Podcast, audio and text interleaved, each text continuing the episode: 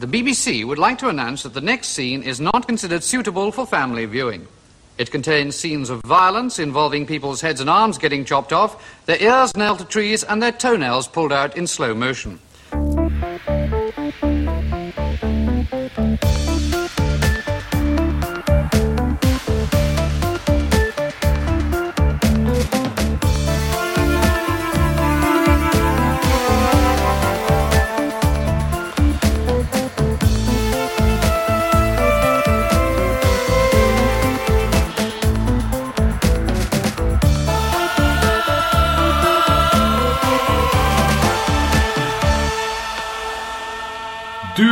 På det 163 avsnittet av skräckfilmspodcasten Vacancy.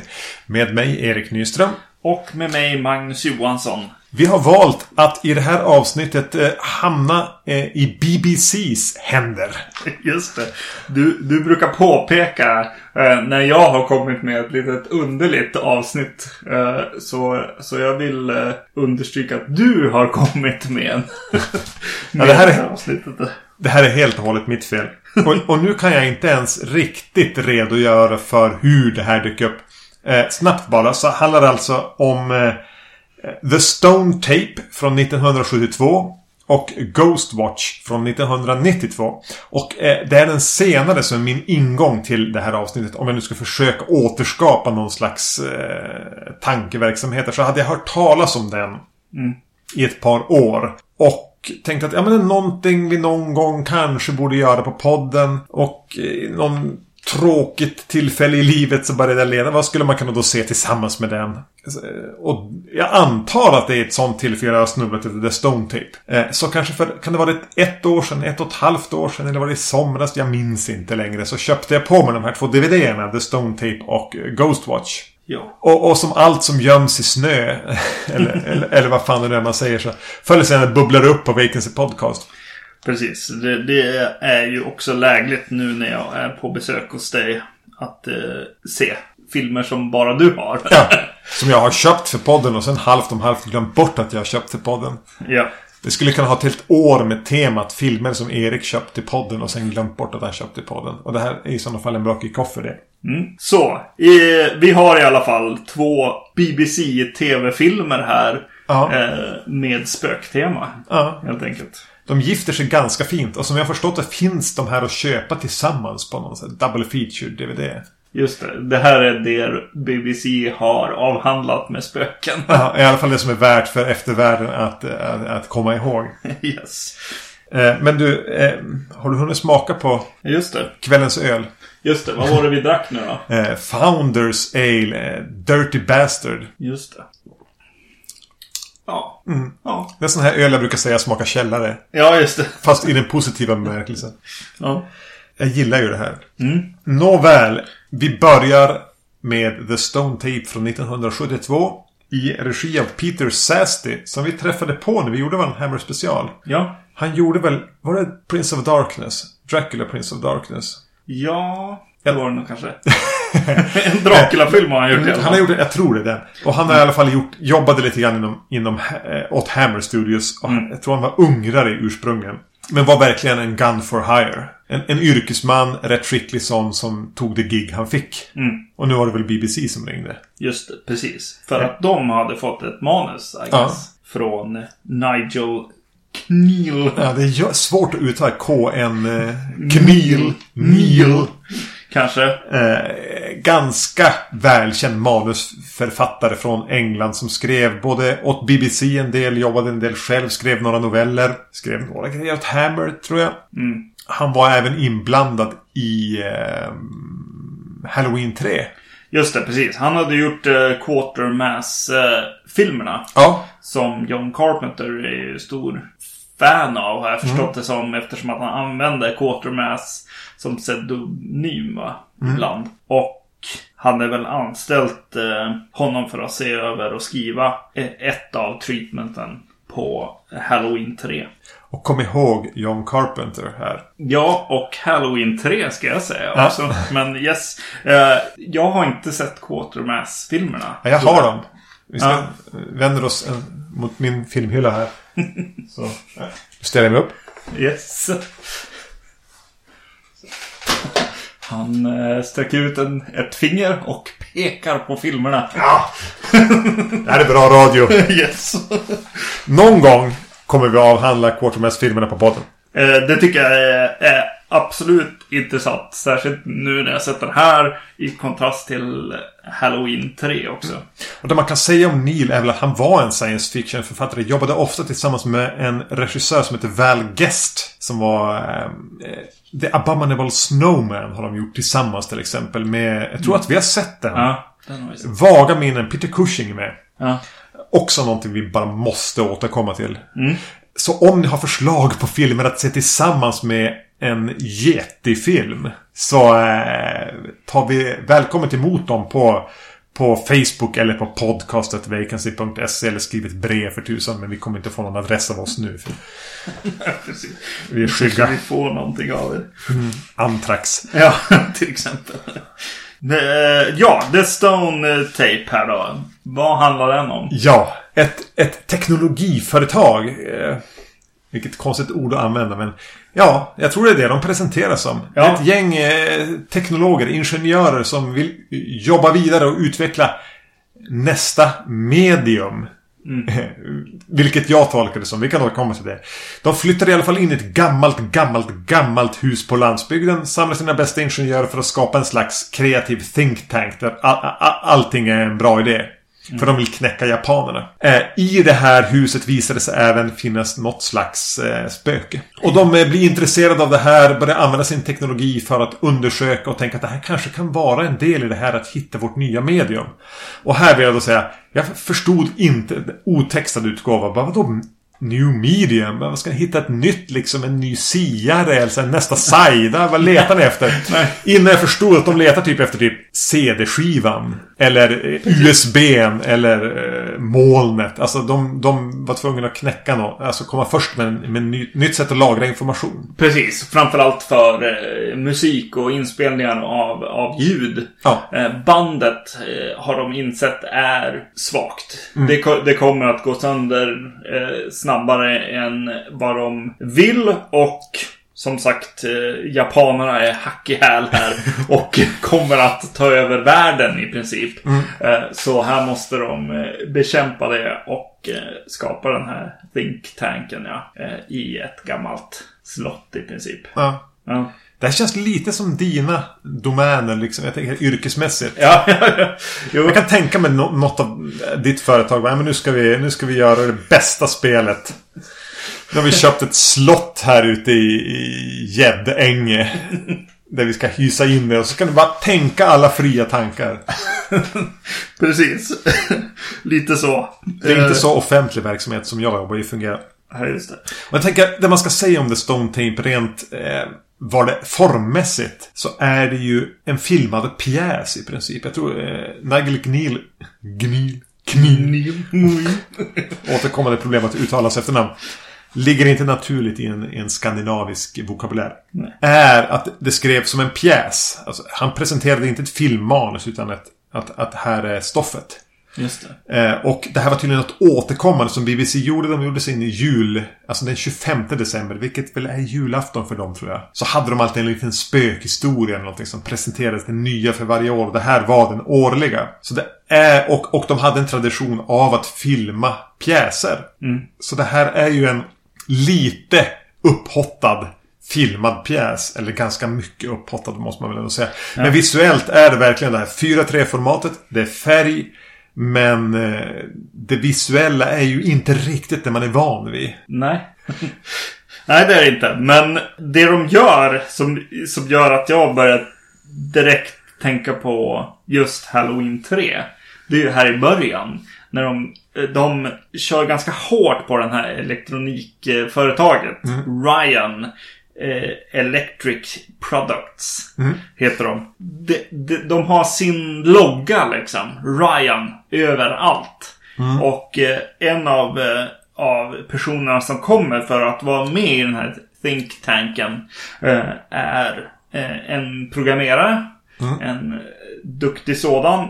Och hon kommer åkandes in med sin bil dit. Och medan alla håller på att packa upp och sånt. Och då kommer två av, av eh, Ryan liksom flyttbilar eller liksom... Stora långtradare av något slag. Ja, med, precis. Med loggan jättetydligt. Ja, och loggan bara kommer, kommer liksom, hon hamnar som i kläm mellan två Ja. av de här bilarna. Och eh, det är någonting lite små mysigt för mig i den, den sekvensen. För att den blir så här eh, lite små psykedelisk. Alltså det är någonting med hur sekt och liksom långsam den är. Som gör att, att det känns som en upplevelse snarare än ett som en händelse, ett händelseförlopp. Ja. Som jag gillade faktiskt i, i just den här. Och, och det är roligt, just i den här upplevelsen, det är nästan som att man tänker att hon får någon föraning om vad som ska hända. Mm, mm. Och hur det presenteras, nästan blir, blir lite så här Myrornas krig-brusigt. Ja, Och att anar man kanske någonstans i det här bruset en röst. Som gjorde att jag direkt tänkte på eh, Prince of Darkness. Mm. Där you are receiving broadcast from the future. Alltså, som en återkommande dagdröm slash dröm i den filmen. just det. Mm.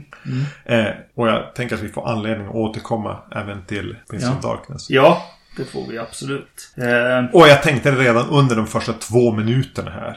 Mm, jo. Sen så kommer vi in här och den här think tanken, alltså det är ju professionella personer, det är eh, liksom folk som är intellektuellt liksom on the edge. Liksom. Ja, ja. De, de är de, De bästa. samlat de bästa i, åtminstone i England här. Precis, men de är ju också vet, Snubbar. snubbar I guess. Så det är mycket, mycket lek här i början när de kommer dit. De liksom börjar brottas här, kostymnissarna. Ja. Och så här eh, håller på. Det är väldigt, väldigt... En grabbig, lekfull jargong. Man får nästan lite live-känsla här. Att kameran har bara hängt på. Och så har de här skådespelarna fått chansen att improvisera.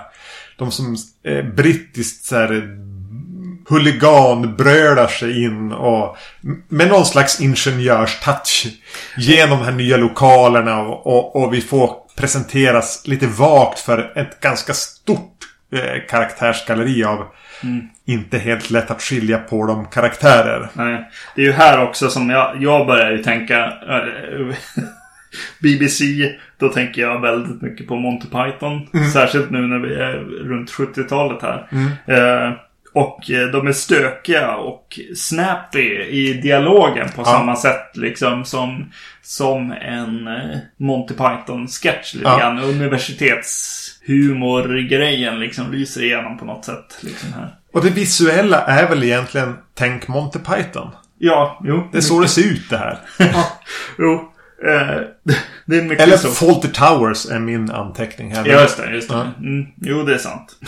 Men, men känner inte du även att ja, men det England alltid har för sig när de gör en sån här produktion är att de har alltid världens bästa skådespelare. Jo, eh, ja, jo. Du är inte lika nöjd, lika trygg som jag här, upplever jag. Nej, jag är inte det med han, eh, han som driver projektet här. Eh, Typ huvudpersonen. Ja, precis. Ja. Nej, men, om du sätter han åt sido. Ja, För jag har samma invändningar mot han. Ja. Han är kanske det svagaste kortet här. jo. Även en, en självreflektion över att det svagaste kortet är nog någonting jag överanvänder på podden. Men det får ni överseende med. Det är därför ni älskar mig. eh, ja, han är, han, är den som har svårast att passa in i det här. Eh, ja, det Kanske för att han får den tydligaste karaktären med de tydligaste karaktärsdragen. Medan det här rumliga gänget med vissa karaktärer ändå eh, köper jag direkt. Det är någon äldre herre med så här bakåtkammat hår. Eh, och eh, någon lite plufsigare med mustasch och den här unga killen som ändå visar sig vara immun mot det som händer sen. Att man, ja men jag är med här. Snyggt presenterat. Ni är jätteduktiga allihop. Ni samspelar väldigt bra. Och jag får en känsla av att ni bara, ni bara kör. Ni, ni jobbar med det, det lilla ni har. eh, Utifrån den utbildning ni har och jag eh, bara sugs in. Men jag håller med. Huvudpersonen, tyvärr det största problemet med egentligen hela, hela The Stone Tape. För han går in... eh, Vi känner inte riktigt till tonen i filmen. Det här har vi pratat om i podden ibland. I, i övrigt när det kommer in någon skådis som förmodligen är ganska duktig och sådär. Men ska vara med i en skräckfilm. Och eh, det blir li, lite svårt att hålla liksom eh, någon slags seriös ton kanske. Mm. Eh, han bara, ja är vi här kanske? Det kanske är lite roligt med, med skräck liksom. Eh, Eller- vi, vi provar det en stund och ser. Eller är jag den här riktiga skitstöveln? Ja, Ja, han prövar, han prövar allt och han hittar aldrig riktigt rätt. Som de övriga som är ja, men hyfsat kalibrerade. ja, jo. Och det är synd för han får så otroligt mycket tid på... Ja, duken är ju helt fel ord här. Ja, precis. Skärmen. Ja. Ja, ja, det är lite tråkigt. Eh, eh, det kanske är också han som gör att det blir lite så här Monty Python-aktigt också. Jag vill komma in i filmen lite mer seriöst än, än vad vi kommer in i den på något Ja, sätt. han pajar en del. Mm. Han pajar faktiskt mer än den här clownen de släpper in under andra halvan. Mm. Nej. Ja, precis. Vad heter han? Crawshaw. Just det. Som ju uppenbarligen är... Han är en konkurrent till huvudpersonen. Mm. Han jobbar med tvättmaskiner. Eh, han dyker upp liksom med sig. Han har en massa färg på händerna. För att han har prövat några olika blekningar eller vad det är. Ja. Verkligen larger than life karaktär som eh, de drar inte alls jämnt. Och, eh, men alltså han sätter tonen bättre. Han eh, harmoniserar mycket mer med det övriga som försöker berätta sig. Trots att han egentligen är en ganska irriterande karaktär som är verkligen är larger than life. Och vet du vem jag tänkte på? Nej. Nej, det hade du aldrig kunnat gissa. jag tänker på den här eh, brittiska skräckfilmskonnässören Kim Newman. Han som brukar göra en del kommentarspår. Han har gjort en del på Argento-filmer. Ja, ja, ja. Han är en ganska... Men tänk dig, vad heter han? Den som pratar i Penn and Teller. Mm. Ja. En slags han fast en brittisk och skräckfilmskonnässör. Mm, Som gör massor med kommentarspår. Just det. Och har en så här, mycket långt hår bakåtkammat fast även tunnhårig. Ja, just det. Ja, det är sant. Han tänkte jag och, och sen ser jag eh, när jag vänder lite grann på, på DVDn jag har att han har ju även gjort kommentarspåret tillsammans med Nigel Knill till den här. Nej, vad roligt. Jag måste lyssna på det och se om man känner igen sig själv i den där karaktären. Just det. Eh, vad kul. Eh, ja, ja, precis. För det blir ju lite jobbigt att man nästan börjar heja på han som man ska tycka är skitjobbig. Ja, för han är roligare. Han är ja bättre. precis. Ja. Mm. Och det, om vi fortsätter med de invändningarna så är det ju trist att den som känner saker, den som identifierar sig med det här lidande spöket som vi så småningom får känna, är naturligtvis en kvinna. Det är hon som är mer öppen känslomässigt medan männen är de här logiska. En del av männen är så slutna att de, de upplever ingenting av det här. Medan hon är den som känner och gråter och skriker och springer. Mm. Det är en ganska trist detalj som jag inte riktigt är i samklang med den här filmen som egentligen 72 till trots vad är den då 46 år gammal känns modern.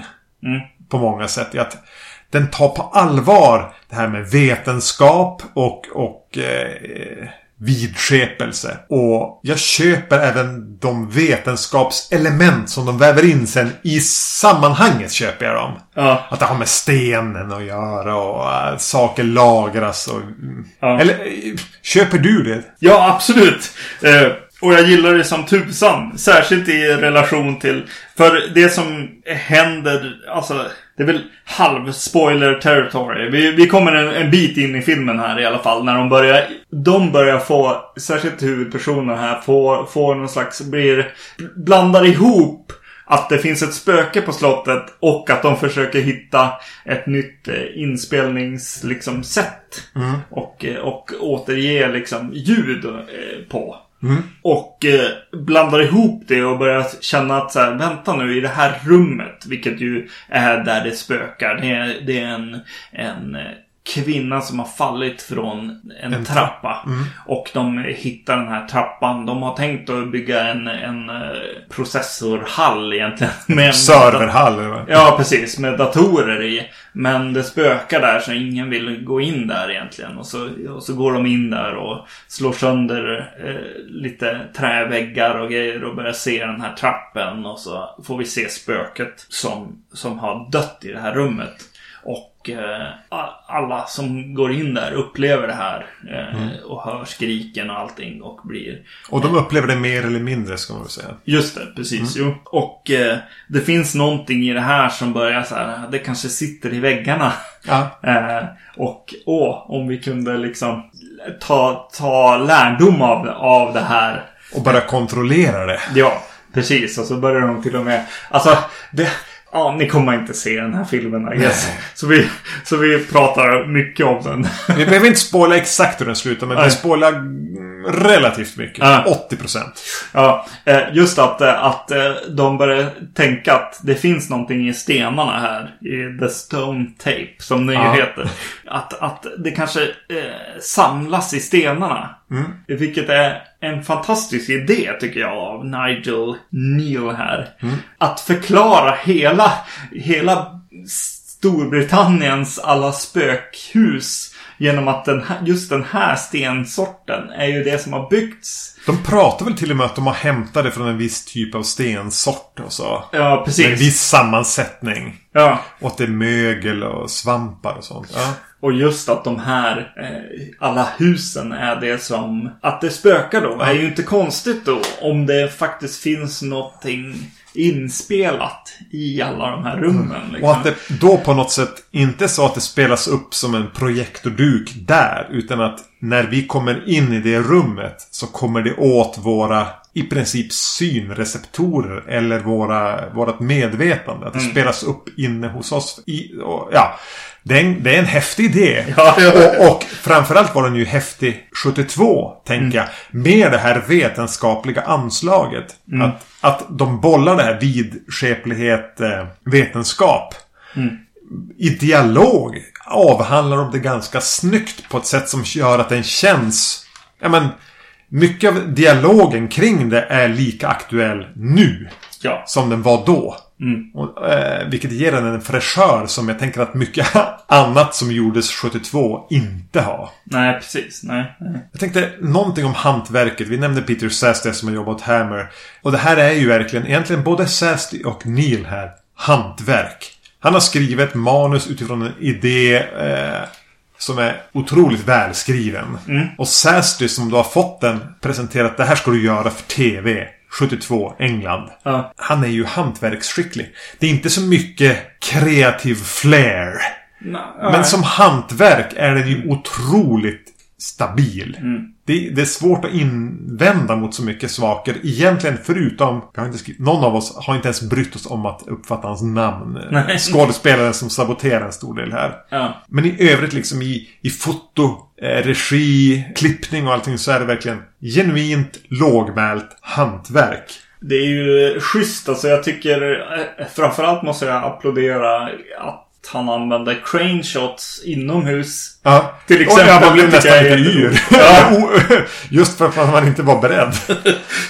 Eh, ganska häftigt. Och så tycker jag att vet du, när, när det väl börjar liksom eskalera och spöka och sådär så, så gör de ändå för en tv-film så gör de ju faktiskt lite flare i de här korridorerna. och Med sånt. ljuset och grejer. Ja, och det känns som att det rör sig lite grann och det känns lite så här eh, Argento-likt liksom i, i ljus och åkningar och grejer. Så att eh, jag tycker att de kommer, kommer igång framförallt. Ja, de lyfter det ju från att vara en filmad pjäs. Mm, mm, Eller de, ja men Sasty. Ja, Och, och det är en, en grej den, eh, den här kvinnan. Hon, Mm. hon berättar, återberättar vad det är hon har sett. För hon är den första som upplever spökerierna. Mm. Så pekar hon liksom bara i det här rummet. Bara, jag såg där!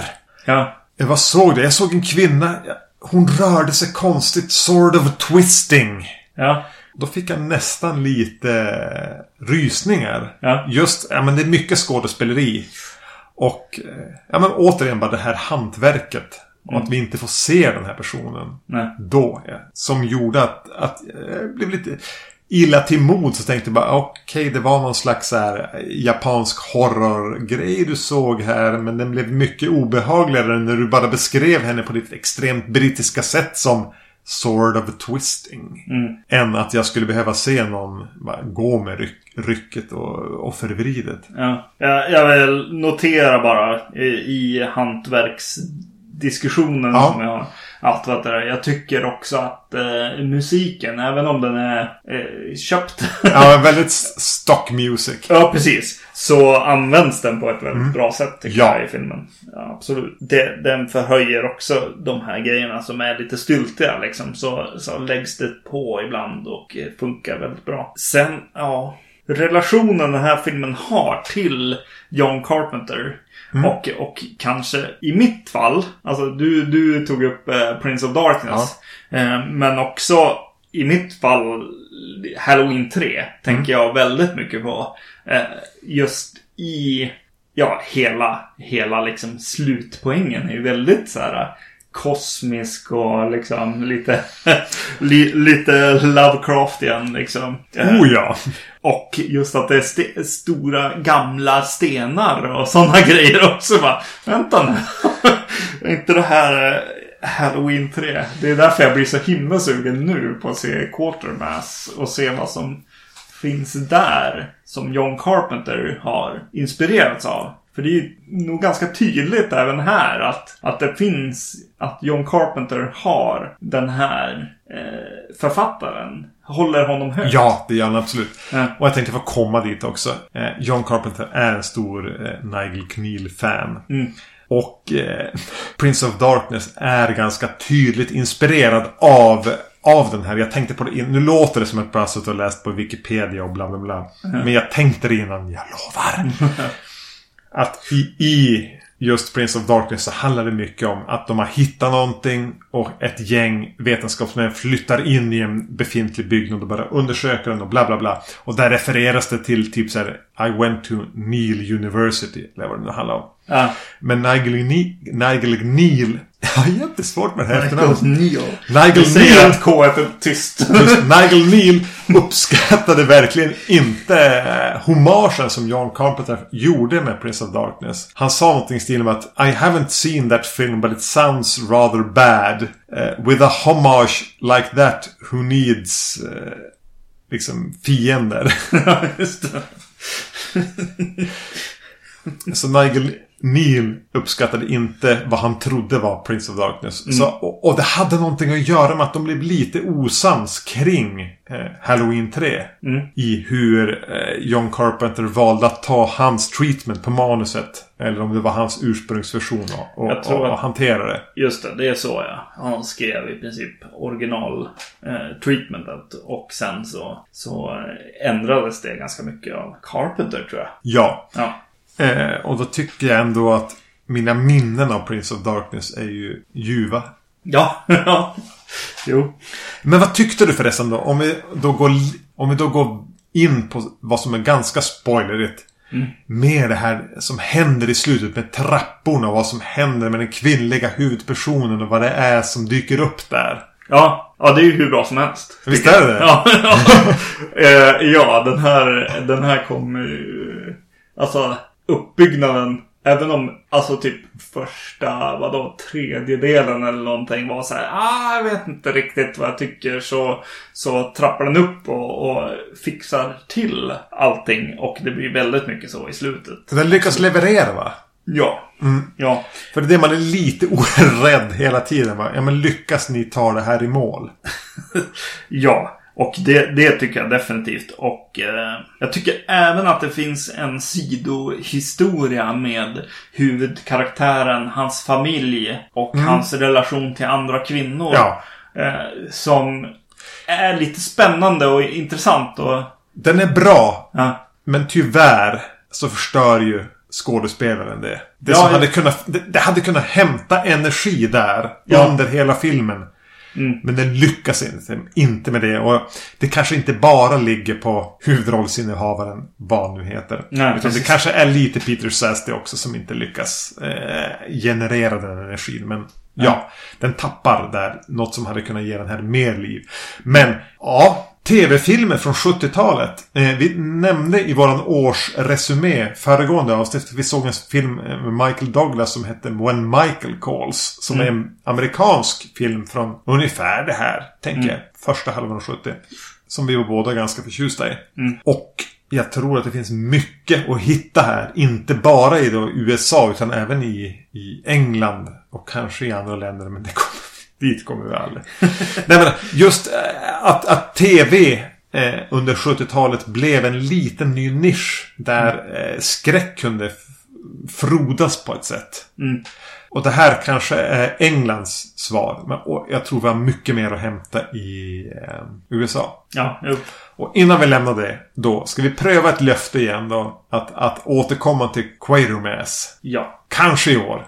Ja, det tycker jag. Jag har dem ju där. Ja, Ser ja. dem ju. Jag är Ja. väldigt, väldigt sugen Ja. jag efter det här. Definitivt. Alltså, ja, det måste man säga. Det är framförallt eh, manus som man ser, tycker jag. Ja. Jag tycker det i alla fall. Jo men jag tror att du har eh, Ja. 100% rätt där. Att det är Nigel Neal. Film, ja precis. Och det är lite så den presenteras faktiskt i början också. Ja. Det är Nigel Neal och en, skicklig hantverkare. Mm, mm. En bra snickare här. Eh, då går vi vidare 20 år senare. Ja. Eh, till 1992. Ghostwatch.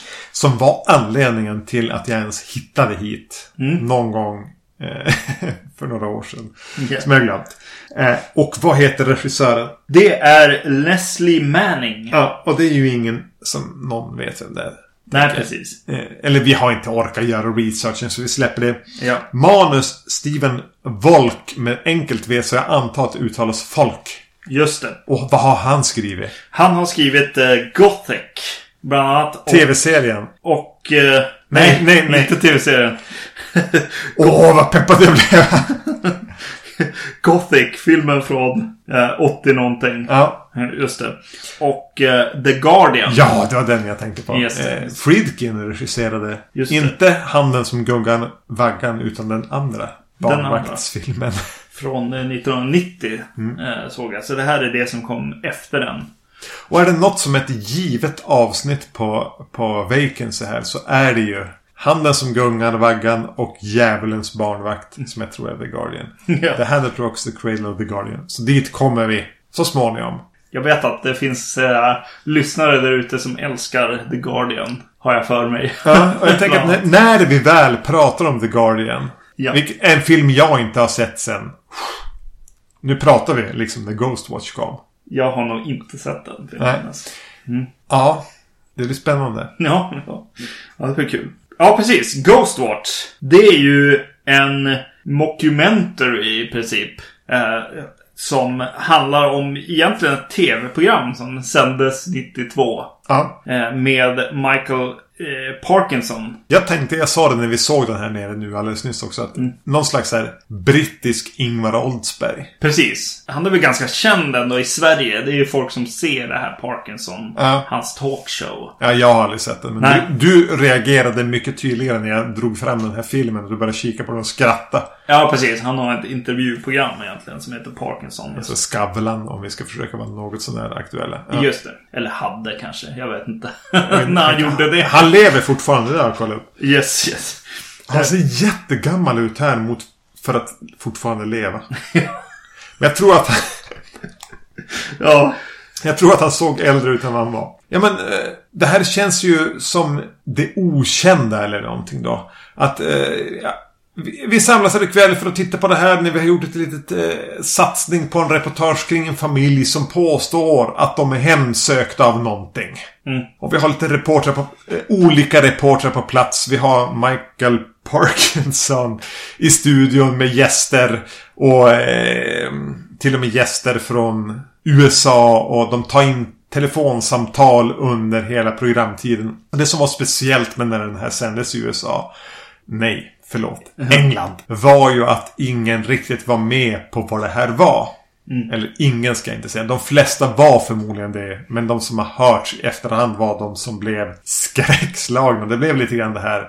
War of the Worlds. Ja, precis. Ja, mm. Eh, Att vissa... För, för det här var ju tydligen inte så... Det var inget ovanligt fenomen med de här... eh, Att man kunde ringa in och folk ringde in och då fick de höra att det här bara är ett skämt. Men vissa fick höra det. Men i och med att så många ringde in så tutade det bara upptaget hela tiden. Härligt. Så vissa i efterhand har ju pratat om de här traumatiserade barnen som fick se det här. Mm. Som, som trodde att det faktiskt spökade på riktigt. Eh, och där de träffar här är liksom en ensamstående mamma med två eh, döttrar. Varav en kanske är 13 och en är 8. Nu eh, chansar jag lite med åldrar här. Jag är inte bäst på det. Jag kanske borde ha bättre koll på. Men ja, ja. Och att de säger att vårt hem är eh, besatt av någonting. Det händer konstiga saker. Och BBC skickar då dit hela sitt team. Där huvudrollerna spelas av välkända BBC-reportrar. Dels den här Sarah Green. Som jag inte har någon koll på. Men hon gör väl egentligen huvudrollen här. Hon är inne i huset med micken och träffar döttrarna. Och har en kameraman med sig. Och sen har vi han eh, Craig Charles. Som du nämnde mest känd för, vad, vad heter den? Red Dwarf är det väl kanske. Ja, Eh, och så är han ju också med i, vad heter det, Robo, Robot Wars. Ah. Eller någonting var han ju programledare för. jag såg mycket av det i jobbet när jag hade en annan typ av jobb. Ja, just det. Just det. Och eh, det som slår mig ganska snabbt här är ju att det här måste ju vara baserat på en riktig Haunting. Den här som, som också eh, kommer, kommer in i The Conjuring 2 va? Mm. Ja, och Den påminner väldigt mycket om Conjuring 2. Om vi nu ska eh, fånga upp. Precis. Eh, ja, man borde ju veta vad den, eh, det spökeriet heter. Jag vet inte. Nej, Men, inte jag men, Jag men huset i sig till och med, där de bor, påminner ganska mycket om den. Och en del av, av bilderna som de har uppe på väggen i studion och sånt eh, på Påminner också om de här döttrarna i huset. Mm. Det är mycket, mycket de här två sängarna eh, separerade från varandra. Där det flyger kuddar och annat eh, som, ju, som ju kommer från just den, den, det spökeriet så att säga. Eh, som, som måste varit inspirationen här, definitivt. Det är ju lite kul det här alltså. Hur man kommer in i det här och eh, Mike, eh, Parkinson här är ju skitbra i sin roll. Han tar ju det bara som att det är en dag på jobbet liksom. Han ska hålla i ett nytt tv-program som heter Ghostwatch. Jag tycker han är skitbra i alla... Men alla verkligen ett ankare. Ja, ja, verkligen. Eh, Stone-faced.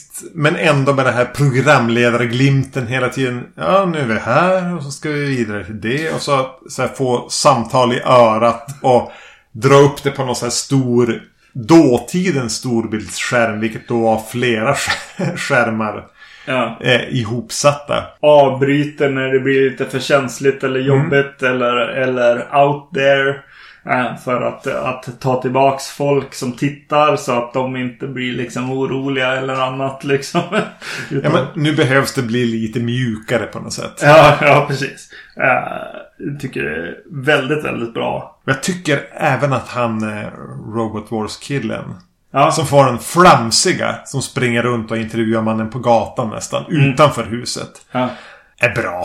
ja, Den som, om vi nu är där. Den som har störst problem är ju den här Sarah Green. ja just det. Mm.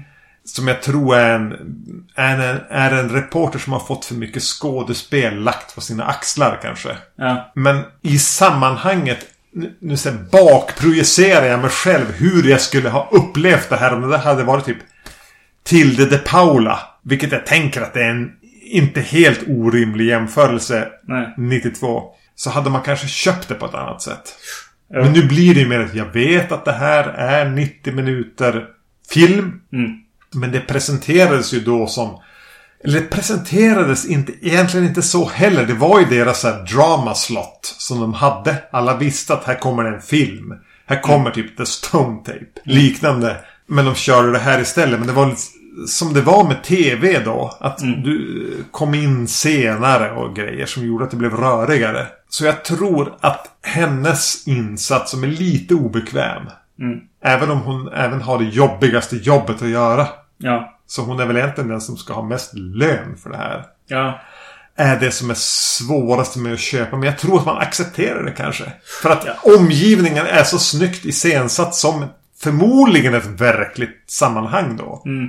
Men det är ju lite det, tycker jag då. I, i, istället kanske att så här, det är en reporter som måste in och liksom trösta barn och liksom det blir lite obekvämt kanske.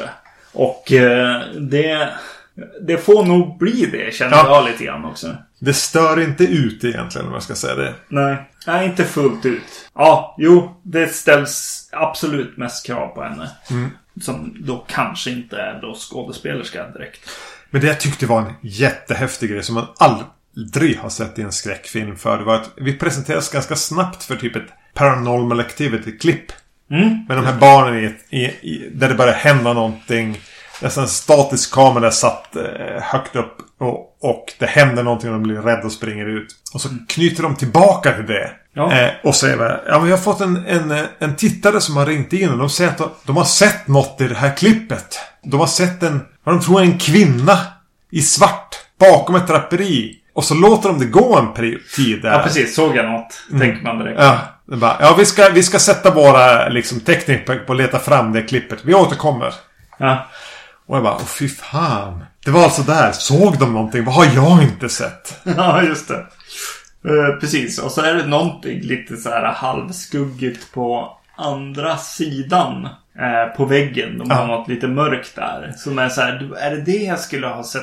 Ja, jag, man, man söker verkligen av bilden här Ja. på sann som Paranormal Activities anda. Ja. Och jag tror att de använder olika bilder här också. Ja, jo det... För ibland tycker man bara, ja men det är ju någonting där. Eller? Ja, Men bara just när man får in det här återberättandet av någonting som jag har sett tidigare. Mm. Det är lite det här lynchiga. Ja. Det var ju någonting vid fotänden av Lauras säng. just det. Ja, Titta bara igen. Dario Argento brukar ju använda det där ibland också. Men långt senare i sina filmer. Eh, Men, men det, är, det är absolut häftigt. Och eh, det riktigt häftiga är ju att man får ju se det här klippet igen. Och får se någonting, tycker jag. Ja. Och sen så liksom tar de in lite mekanik där de kan rita in vad de kanske ser så här. Och då, är, då har de en, en eh, kvinna där som är hon som har liksom tagit hand om familjen och varit paranormal personen, mediet Ja. eller någonting i familjen. Och eh, hon eh, får rita upp vart hon tycker sig se Ja. figuren. Och det är inte riktigt, stämmer inte Nej, överens inte, med inte vad... det jag såg det. Nej, inte vad jag såg, ja precis. Och så sen att, att eh, Parkinson då kommer in här och bara Det finns ju ingenting i den här bilden. Alltså förlåt så mycket att vi tar upp så mycket tid då, från er som, som tittar eh, här. Eh, Det fanns ju ingenting här. Eh, Ni kan ju sluta ringa in om det här. Liksom det, det är ju bevisat att ni inte såg någonting. Och det är ju så fantastiskt att man då som den som tittar får se någonting. Ja. Och att de använder vad jag tror i alla fall är olika bilder vid varje gång vi ser det. De kör någon eh, så här, kan du pausa det där? Ja, och då och är det inte där. Nej. Spolar tillbaks och grejer. ja. De använder ju verkligen det här VOS. Mm. Att det är VOS. Och sen kopplar de ju in den här amerikanen som är skeptikern. Mm. Som får sitta där då eh, på andra sidan Atlanten och, och bara så här, bortförklara allting de upplever och ser här. Vilket spänner den här då vidskepelse, vetenskap, bågen. Mm. Där man ju själv, eller i alla fall jag, och jag tänker att vi är på samma planhalva här. Är skeptikerna som bara, nej. Nej, precis. Eh, I det vardagliga livet. Men här ser man ju ändå han som en skitstövel. Ja. Och det ligger så nära till hands att vara skeptiker. Att vara den här som avfärdar människors upplevelser som en sprätt på näsan. Ja. Bara, ja, ja. eh, Du upplever det här. Men jag vet ju. alltså klappen på huvudet-grejen. ja. Som är så svår att komma ifrån. Även om man ju faktiskt har rätt. precis. Den, den är utnött. Ja. Ja, vidskepelse, vetenskap, eh, bollandet. Mm. Och att i de filmer vi alltid ser så har ju vetenskapen fel. Ja, ja, precis. Vilket gör det jobbigt för en, en sån som jag som tror på det eh, jag ser och kan känna och är beredd att, att ändra min uppfattning om någon presenterar tillräckliga bevis för det. Mm. Eh, ja, men jag gillade ändå återigen att vara där i att få, få bolla det fram och tillbaka. Särskilt i det här brittiska eh, reality show Mm. eh, presentationen som, som Ghostwatch ger. Men alltså, Vi är, vi är 92. Det är Ja. ganska tidigt. Ja, visst är det det. Eh, Visst är det ändå. väldigt tidigt för att vara mockum... Äh, inte mockumentary kanske. Vad heter den, den här? Found footage. I princip. Är det ju. Ja, den är ju före Blair Witch där. Ja, precis. Men efter Cannibal Holocaust. Ja.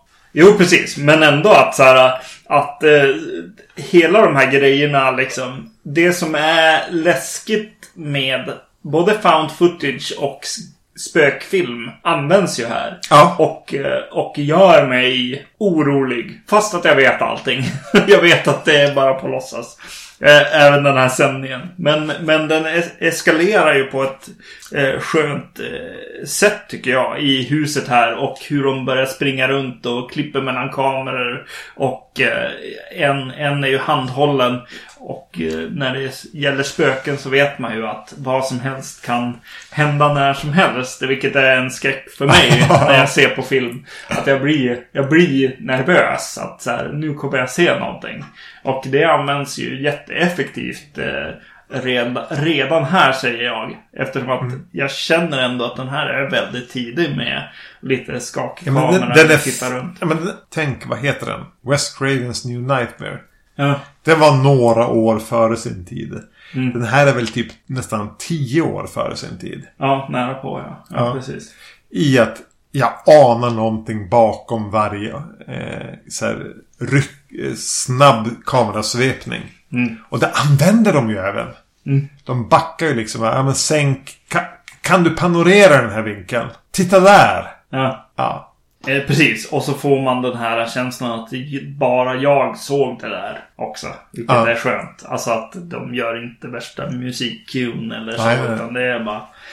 Och som när är- de då behöver det så kastar filmen ut den. bara, Ja men nu ska vi träffa den här Robot Wars-killen som pratar med folk Mm. på gatan. Ja, Eh, jag tycker den har en, en, en rätt schysst eh, känsla där också när den ska ut. mm. och när den gör... Ja, precis. Ja, när den gör lite fulingar och sånt där också. Mm. Det är rätt schysst. Även om det är en tv-rulle samtidigt. Ja. Det, den, den kommer inte hela vägen ändå tycker jag. Nej. Eh, men samtidigt, alltså. Ja, nu lät det som att jag, vi småhyllade den här Stone Tape. Ja. och, och, eh, men Ghostwatch är ju definitivt läskigare. Ja. När jag sitter och tittar och så. Ghostwatch är ju snäpp upp.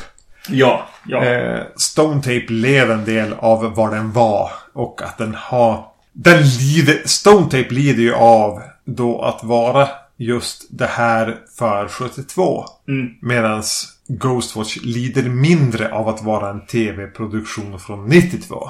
Mm. Men den plockar ju även poänger med att vara från 92. Ja, jo. Eh, som gör att man inte riktigt känner sig lika så här i James Wan-territorier som är ganska trygga ändå. Ja. Eh, att man är i någon brittisk ovisshet som är inte behaglig men samtidigt inte så här Cannibal Holocaust obehaglig. Nej, nej precis. Eh, det är ju också, det ligger ju också någonting i när jag ser den att så här, jag tänker att vadå, är vi 13 år när den här görs? Ja. Och eh, att så här, de har Chris Cross på väggarna. Ja. Och Ja, men- MC Hammer och Den vad är det är- Brian Adams som står där med sin gitarr Jo, kanske. eh, tänkte att det var Ja. någon jämförbar åtminstone.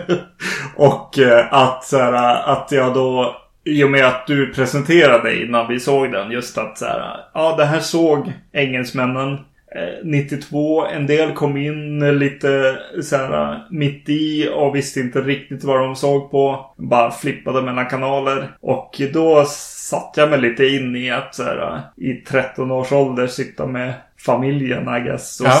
och bara slå igång det här och bara Ja, det är ganska läskigt alltså. Eh, Eftersom att det är så mycket en vanlig tv-produktion från Ja. Den tar ju egentligen sin största styrka från att vara typ... Ja men... Vilken jävla random reality show som helst. Och nu menar jag inte... Alltså, tänk om, om Mart, någon Martin Timell jävla föreställning här slutar med att han bara jagar folk med yxa. Vilket väl inte känns helt jävla verklighetsfrånvänt numera. Men alltså det är lite den twisten jag tror den tog för engelsmännen Ja. då. Eller för delar av dem. Ja, precis. Ja. Man hade ju önskat att man hade fått vara med på den här upplevelsen. På samma sätt som ja, men, Orson Welles War of the Worlds när nu det begav sig på, på 30-talet. Att få bli helt rädd Mm. för Ghostwatch. Ja. Den här är ju mycket lättare också eh, för, för oss att leva sig in i. Ja. Kanske mer än War of the World som är en radiopjäs liksom och... eh, Även fan har lyssnat på radio. Ja, precis. Eh, utan det här känns ju som någonting som bara kunde ha sänts när Ja. vi var unga liksom. Och att man råkade halka in på det. Ja men nu har jag sett klart liksom Sportnytt. Mm. Jag sapp, ska jag gå och lägga mig eller ska jag, vad är det här då? Och efter vad du presenterade just det här att det finns ingen, det finns ingen presentation av att det här är bara på skoj Nej. i början av den här filmen. Utan den bara börjar. Ja, Hej, välkommen till Ghostwatch. Ja. Eh, vi på BBC känner att det är angeläget att göra en, en, ett program om just den här hauntingen. Liksom. Mm. Ja, det blir lite speciellt och eh, de har ju väldigt bra trick. Och jag, jag sitter ju och hoppas på att det var så också att, att folk satt och väntade på ett annat program. För han säger också i, i filmen liksom, när det börjar ha gått en timme eller någonting. Så bara, jag vet att ni sitter och väntar på nästa program men eh, vi kommer vara kvar här. Eh, för att det är så pass spännande just det som händer just nu. Vilket ett BBC-beslut händer i Ja, han har just fått det i örat liksom. Ja. I sin, i sin eh, eh, stäcka. mycket, mycket bra detaljer liksom. Ja, och ja. eh, Du har redan nämnt och jag har redan nämnt det. Men Michael Parkinson är ju en viktig figur Mm. i att det här ska fungera. Jo, definitivt. Eh, han har ju den här kvinnan, mediet bredvid sig som inte riktigt heller är toppen Nej. i filmen. Men, Nej. Eh, men hon avbryts så väl ofta och eh, liksom är liksom lite obekväm i att vara i sändning här. Ja. Så att det funkar lite Ah. grann ändå. det är väl det att spelaren här som är obekväm att vara i live-tv. Det... Mm. Hur fan spelar du det fel? Ja, precis. Jo, eh, Om så- inte folk känner igen en rent hur man ser ut. Eh, mamman i familjen är ju också en sån. Som Ja. så här lite ler. Man tycker att det breakar lite så här shots egentligen. Så här. Skulle ni inte ha tagit den här igen? Men det är någonting med att det är kameror överallt. Och hon måste hålla upp något sånt. Precis, det går Sken. inte att ducka för det här. Nej, nej, precis. Barnen är ju bra också. Mm, mm. Men jag tänker återigen. Ska du casta din film? Bara, åk till England. köp, en, köp en van. Åk till England och bara kör ut och så bara slänger du in randoms i den där vanen. Söv dem och du ska spela in filmen och ge dem ett manus. Ja. Och de kommer att vara bättre än de flesta. I Hollywood.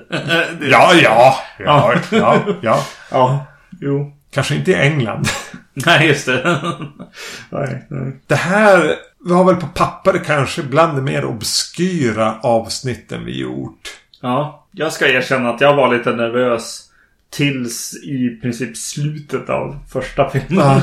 Ja, jag var med tidigare eh, i The Stone Tape att ja, men här finns det en jävla hantverksskicklighet. Ja, ja. Det finns en anledning att vi ens ser det här tänkte jag. ja, sista tredjedelen var jag nog så här, ja, yes, vad skönt.